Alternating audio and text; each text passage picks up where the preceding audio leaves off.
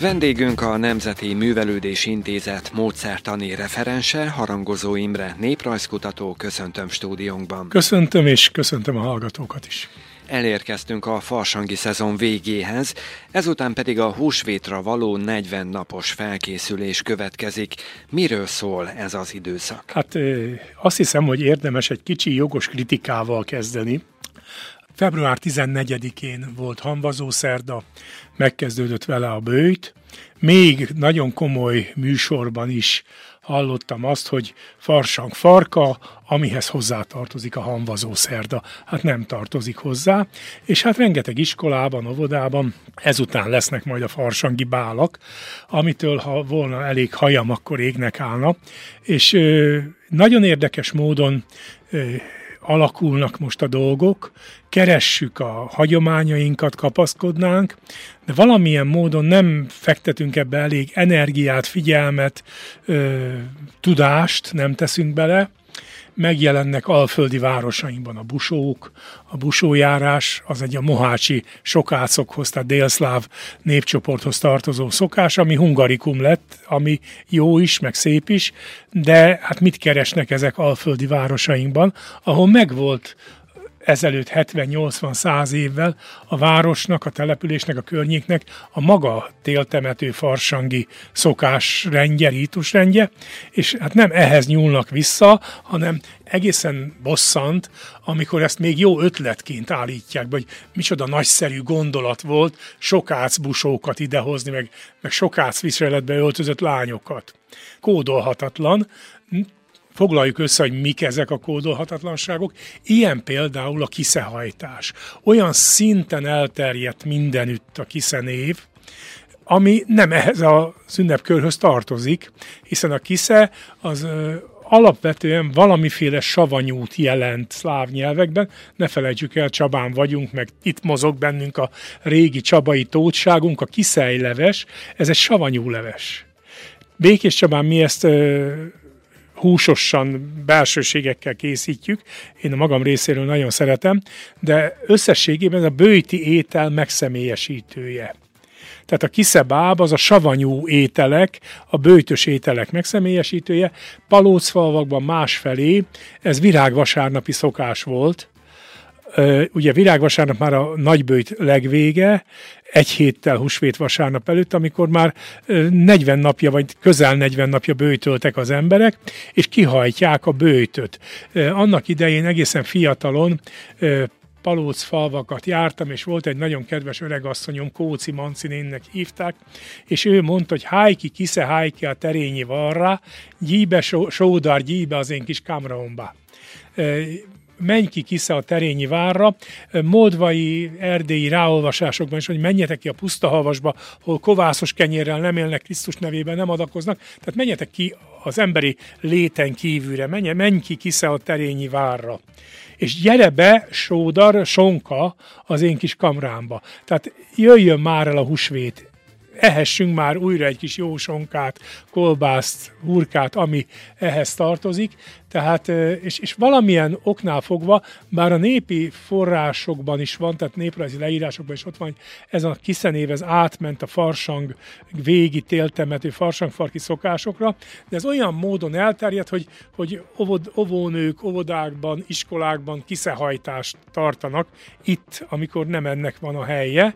Az itteni dramatikus szokásoknak megvan, és az abban megjelenő bábunak megvan a maga neve, például ma is él Toroszkón, ott Dömének hívják, de azt se lehetne rámondani, amit a néptáncosok sokszor, sokszor megtesznek, hogy egy településen vagy egy szűkebb lokalitásban elterjedt nevet általánosan ráhúznak egy szokás jelenségre, tehát nagyon óvatosan, meg, meg gondolkodva sokkal inkább a szokás lelkét, belső tartalmát, logikáját követve kellene ehhez közelítenünk, mint sem a betűjét, és, és próbálunk valamiféle általánosítást. No hát ennyi kis ö, ö, duzmogás után térjünk rá, hogy mit is jelent az az időszak, amiben most vagyunk, ez egy nagyon hirtelen váltás. A farsangi szokások, ezt lehet, hogy a legutolsó adásban mondtam, leginkább a farsang legvégére farsang farkára sűrűsödnek össze, és ennek egyetlen csettintéssel lesz vége, húshagyó kedden megáll a zenész kezében a vonó, megáll a citerán a pengető, a lúttól, és ezzel vége a farsangnak, és tökéletesen más, egy nagyon erős csöndesség áll be, ez a hamvazó szerda. A hamvazó szerda liturgiájához, templomi hagyományához tartozik a hamvaszkodás. Az elmúlt esztendőben megszentelt barkát, virágvasárnap, ugye a kisze hajtás kapcsán emlegettük virágvasárnapot, virágvasárnapi barkát égetjük el, és ennek a hamuját gyönyörűen egészen lisztfinomságúra szitálva használja a pap, és jelöli meg a hívek homlokát. Maga ez a hamu az anyag összeroskadása. És a funkciója is ez, hiszen a pap azt mondja, hogy emlékezzél ember, hogy porból lettél, és visszatérsz a porba. Szürke a hamu, és, és valóban az elmúlásra, az, a létezés végességére figyelmeztet bennünket, tehát a tudatosan fölpörgetett és a társadalmi rend kereteit feszegető farsangi szokások, ahol a férfiak nőnek, a nők férfiaknak öltöztek, különböző alakoskodással fölforgatják tudatosan a társadalmi rendet, itt egyszerre visszaáll a rend, és egy nagyon tudatos építkezés kezdődik. És itt jó volna talán egy kicsit meghatározni a bőjt fogalmát, lényegét, tartalmát az, hogy ez a bőjt, milyen bőjt, lényeges? Hát ugye egy birkozó, aki 82 kilós kategóriába indul, ha 86 kiló nincs, nem fér bele a saját kategóriájába. Egy hölgy fölpróbálja a tavalyi nadrágját, és nem lehet becipzározni, akkor elhatározza, hogy fogyni fog. És erre különböző technikák vannak, leginkább az étkezés visszafogása, de attól, hogy én, ét, én visszafogom magam a fitness tanácsadom javaslatára, attól még nem bőjtölök. A bőjt az csak vallási okból fogadott önmegtartóztatás. Minden kultúra az emberiség kezdetétől fogva tudja, és minden világvallás tudja, hogy a testi kívánságok visszafogása, letörése, ha jól csinálja az ember, akkor az lelki töblettel, lelki erővel jár. Ez a, ez a bőjt ahhoz, hogy pontosan megértsük a tartalmát, mert nagyon könnyen vulgarizáljuk, ugye én nagyon hosszú időn keresztül tanítottam, hitoktató is voltam, és megkérdeztem a gyerekeket, és nagyon könnyen vágják rá ezek az ügyes, aranyos gyerekek, hogy hát nem szabad húst tenni. Jó, de hogy bőjtől egy vegetáriánus? Tehát tényleg csak erről van szó? Ahhoz, hogy ezt megértsük, ismernünk kell a, a szeretet fogalomról ö, alkotott keresztény nézetet. Egyszer ott voltam egy ilyen továbbképzésnek nevezett valahol, valamin, ahol szegény előadót nagyon erősen zavarba hoztam, mert a mai hogy is hívják ezt, kommunikációs technika teljes önbizalmával beszélt a Maslow piramisról, amit minden egyetemistának, főiskolának megtanítunk. Ugye ez a emberi szükségletek rendje, a, és a, mikor minden megvan a csúcsán, ott a piramis csúcsán, azt mondja, hogy ez az önkiteljesedés. Tehát amikor mindennel rendben vagyok, étkezés, tehát fiziológiai szükségletek, lelki, és ott van benne a szeretet valamiért fölmérgelt ez az előadó a maga kicsit döjfös magabiztosságával, és itt hosszasan beszélt a szeretetről, és megéreztem, hogy nem, nem, nem, nem, nem ismeri a szeretet fogalmát. Tehát ezt az alapozott, teológiailag, kulturálisan, antropológiailag megalapozott szeretet fogalmat, csak beszél róla, és egyébként meg Maslow sem ismeri. Tehát mond valamit, amit ő szeretetnek fog föl, de, de ennek a belső rétegződését és tartalmát nem ismeri, és én erre rákérdeztem, és szegény rá döbbent, mert okos ember volt, hogy hát őt itt most megfogták, és picit kellemetlen volt, és hát nem vehetem át a szót, hogy elmondjam, hogy a szeretet legalsó, legprimitívebb, legelemibb fokát a Biblia, meg a régi, akár görög eredetű bölcselet, azt érosznak hívja. Ebből származik az erotika kifejezésünk. Ez a szeretet forma, ez mindig szükségből táplálkozik. Éhes vagyok, tehát enni kívánok. Szomjas vagyok, tehát inni kívánok. És mindenféle ilyen szükségletei vannak az embernek, és ez tulajdonképpen azzal, hogy betelik, azzal kész is van. Megkaptam, ami amire vágytam. Na most a mai ember valamilyen módon fogságába esett ennek, rabjává tudunk válni, és nem tudunk tovább lépni, mert a következő fok az már egy ilyen mérlegszerű szeretet, aminek az a neve, hogy filia, és az emberi kapcsolataink nagy része a barátság, a szerelem, a párkapcsolat, családi kapcsolatok, azok ebbe tartoznak. Adok, beleviszek erőt, energiát, táplálékot ebbe a szeretet kapcsolatba, és kapok. És akkor van egyensúlyban, ha ez, ez, ez paritásban van. És akkor jók ezek a kapcsolatok. De még ez mindig a középfok.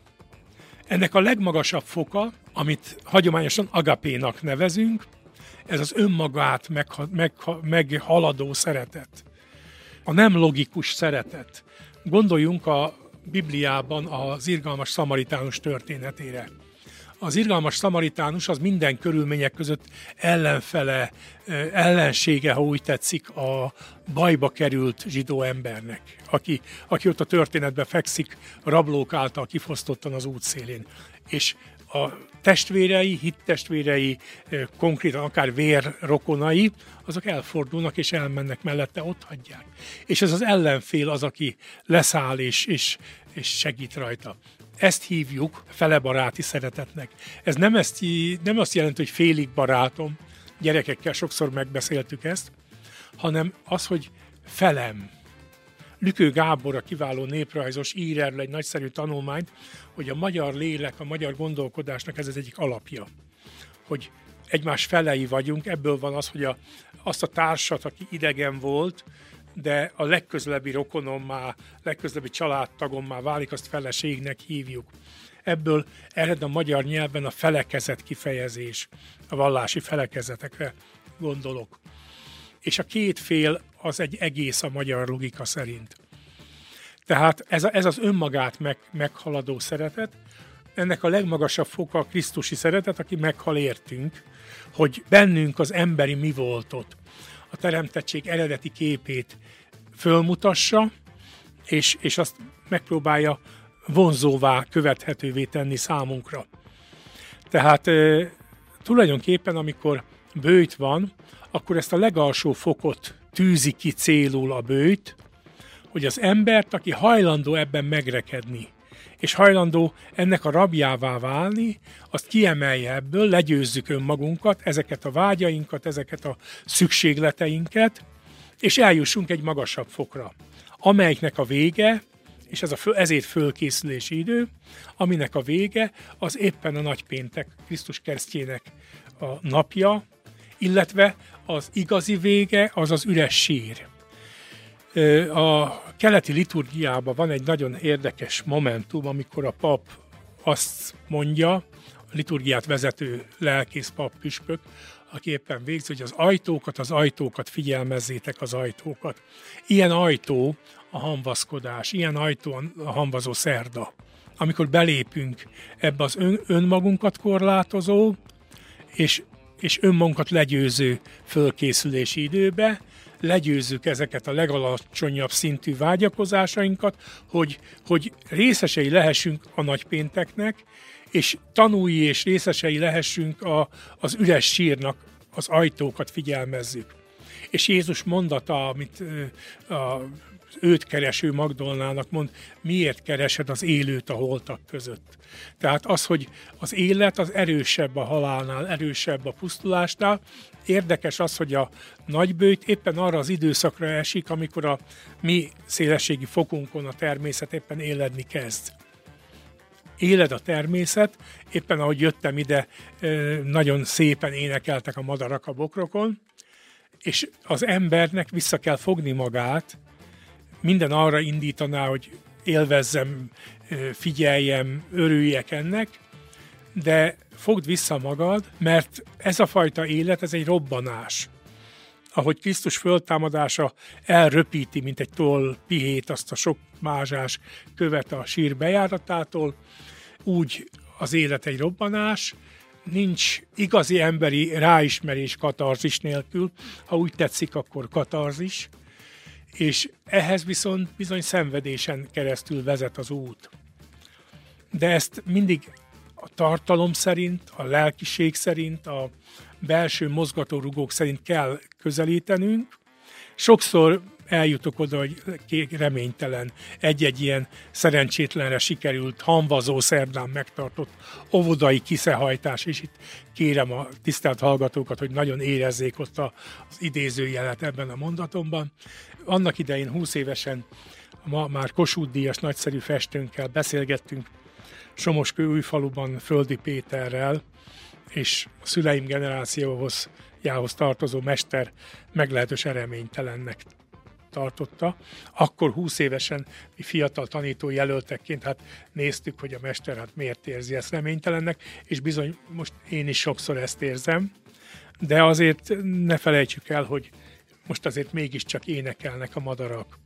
Most már megkapták, vagy megkapják a következő napokban a furuját, a hagyományunk szerint megkapják a furuját ahhoz, hogy újra megszólaljanak, hogy már most lassan-lassan elvirágzik a hóvirág, a krókuszok gyönyörűen pompáznak, tehát indul a vegetációs időszak, és elkezdődött a nagybőjt, tehát azért mégiscsak egy keresztény ember nem, nem veszíthet el, el a reményét, még ha meg annyi ö, bőjtben tartott óvodai, iskolai, farsangi mulatságon is, boszorkánynak és ártó erőnek öltöztetett gyerekek sokasága ö, csinálja ezt a dolgot, és nem bírunk kiszabadulni a telefon és egyéb kütyük nyomkodásából, hogy rácsodálkozzunk a teremtett világ szépségére, csodá, csodájára, és részesei legyünk annak a hihetetlen robbanásnak, amivel az élet él és élni akar. Ugye a márciust úgy is emlegették régen, hogy bőjtmás hava, vagy a kikelet hava, amikor is felcsendül a regula, hogy Sándor József Benedek zsákban hozzák a meleget. Ez a mondóka mikor alakulhatott ki? Hát ezek igazán nem valószínű, hogy nagyon régi dolgok. Nagyon sokszor érzem azt, hogy a média, ennek mindenféle ága recepteket akar a szerves és organikus élet helyett. Exakt jeleket.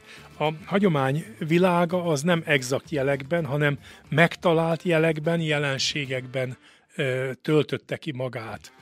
A népművészet lényege az éppen ez a szervesség. A legutolsó időkig éppen most csodálkozok rá gyűjtőként pásztorok, somogyi pásztorok 60-as, 70-es években készített munkáira, hogy tökéletesen írják azt a képjelírást, ami gyakorlatilag kortalan, évezredes. De velük azért vége van. Tehát ezek az 1910 X született eh, hagyományban fölnőtt emberekkel, de, de ez lehetséges ma is, tehát a művészek a, a legjobbak, azok most is értik és érzik ezeket a jeleket de a hétköznapi folyamatosan hírfolyamot pörgető ember, az kész, megemésztett dolgokra vágyik. Arra, hogy ez, ez és semmi más. Mert ehhez szoktunk, a piktogramok azok semmi mást nem jelölnek, csak a repülőtéri mosdót, meg a, meg a nem tudom mit balra. És, és ezt a komplex, ezt a maga teljességében ö, emberi és mélyen, mélyen mondhatom azt talán szakrális gyökerű jelvilágot nem akarja, és nem is szeretné kódolni. Egyszer egy nagyon kedves diákom, akit hosszú idő keresztül tanítottam, egy kislányról van szó, aki érettségi előtt, tehát már meg volt 18 éves talán, és magyaráztam nekik ezt, kis csoportban dolgoztunk, öten hatan voltak ott, leállított, és azt mondta, bizalmas volt velem, mert tíz éve tanítottam, hogy Imre bácsi ne akarja, hogy mi ezt lássuk, mert mi nem látni és érteni, hanem boldogulni akarunk. Erről szól a világ.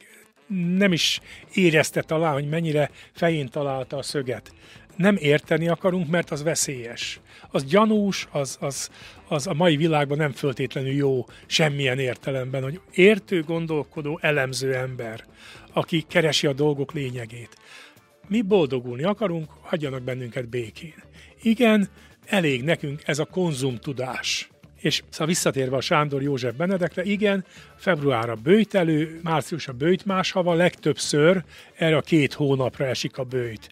Persze még kinyúlhat áprilisra is, mert ugye a húsvét mozgó ünnep, és ha hosszú volt a farsang, akkor, akkor egészen későn van húsvét, de ezek egyébként meg ezek az ősi szokások, amiknél sokszor ezek a verbális megfogalmazások késeiek, de maga a tartalom az nagyon régi, ezek a közösségi kultúra évszázados, évezredes megfigyelései.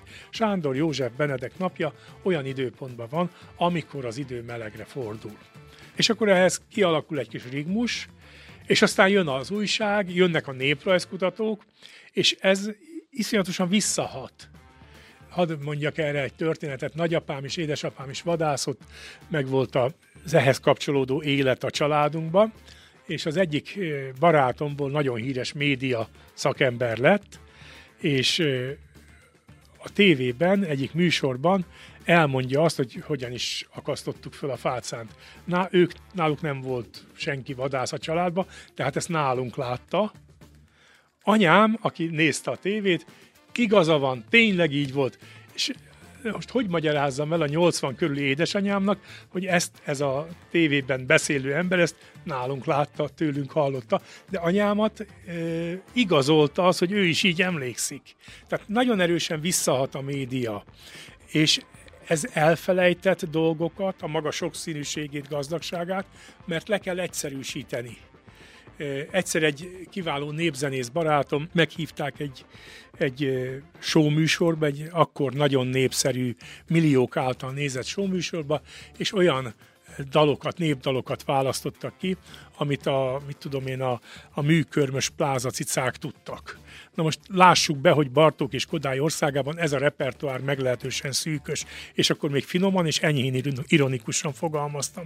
Tehát, és most ezzel nem, nem akartam megbántani senkit. Tehát ez kell a tömeg ízlésnek. Én még az a generáció vagyok, akikkel elhitették azt, most is egyébként a kulturális menedzselésben ez nagyon fontos szempont, hogy mérjük a szükségleteket. De én még azt gondolom, hogy mm, az értelmiség dolga az, hogy ismerje a szépet, a jót, az értéket, és azt minden körülmények között, függetlenül az érdeklődéstől és a visszajelzéstől képviselje a világban. És hát elé, bibliai igazság, vagy, vagy egyházi gondolat, hogy aki az eke szarvára tette a kezét, az ne nézzen hátra.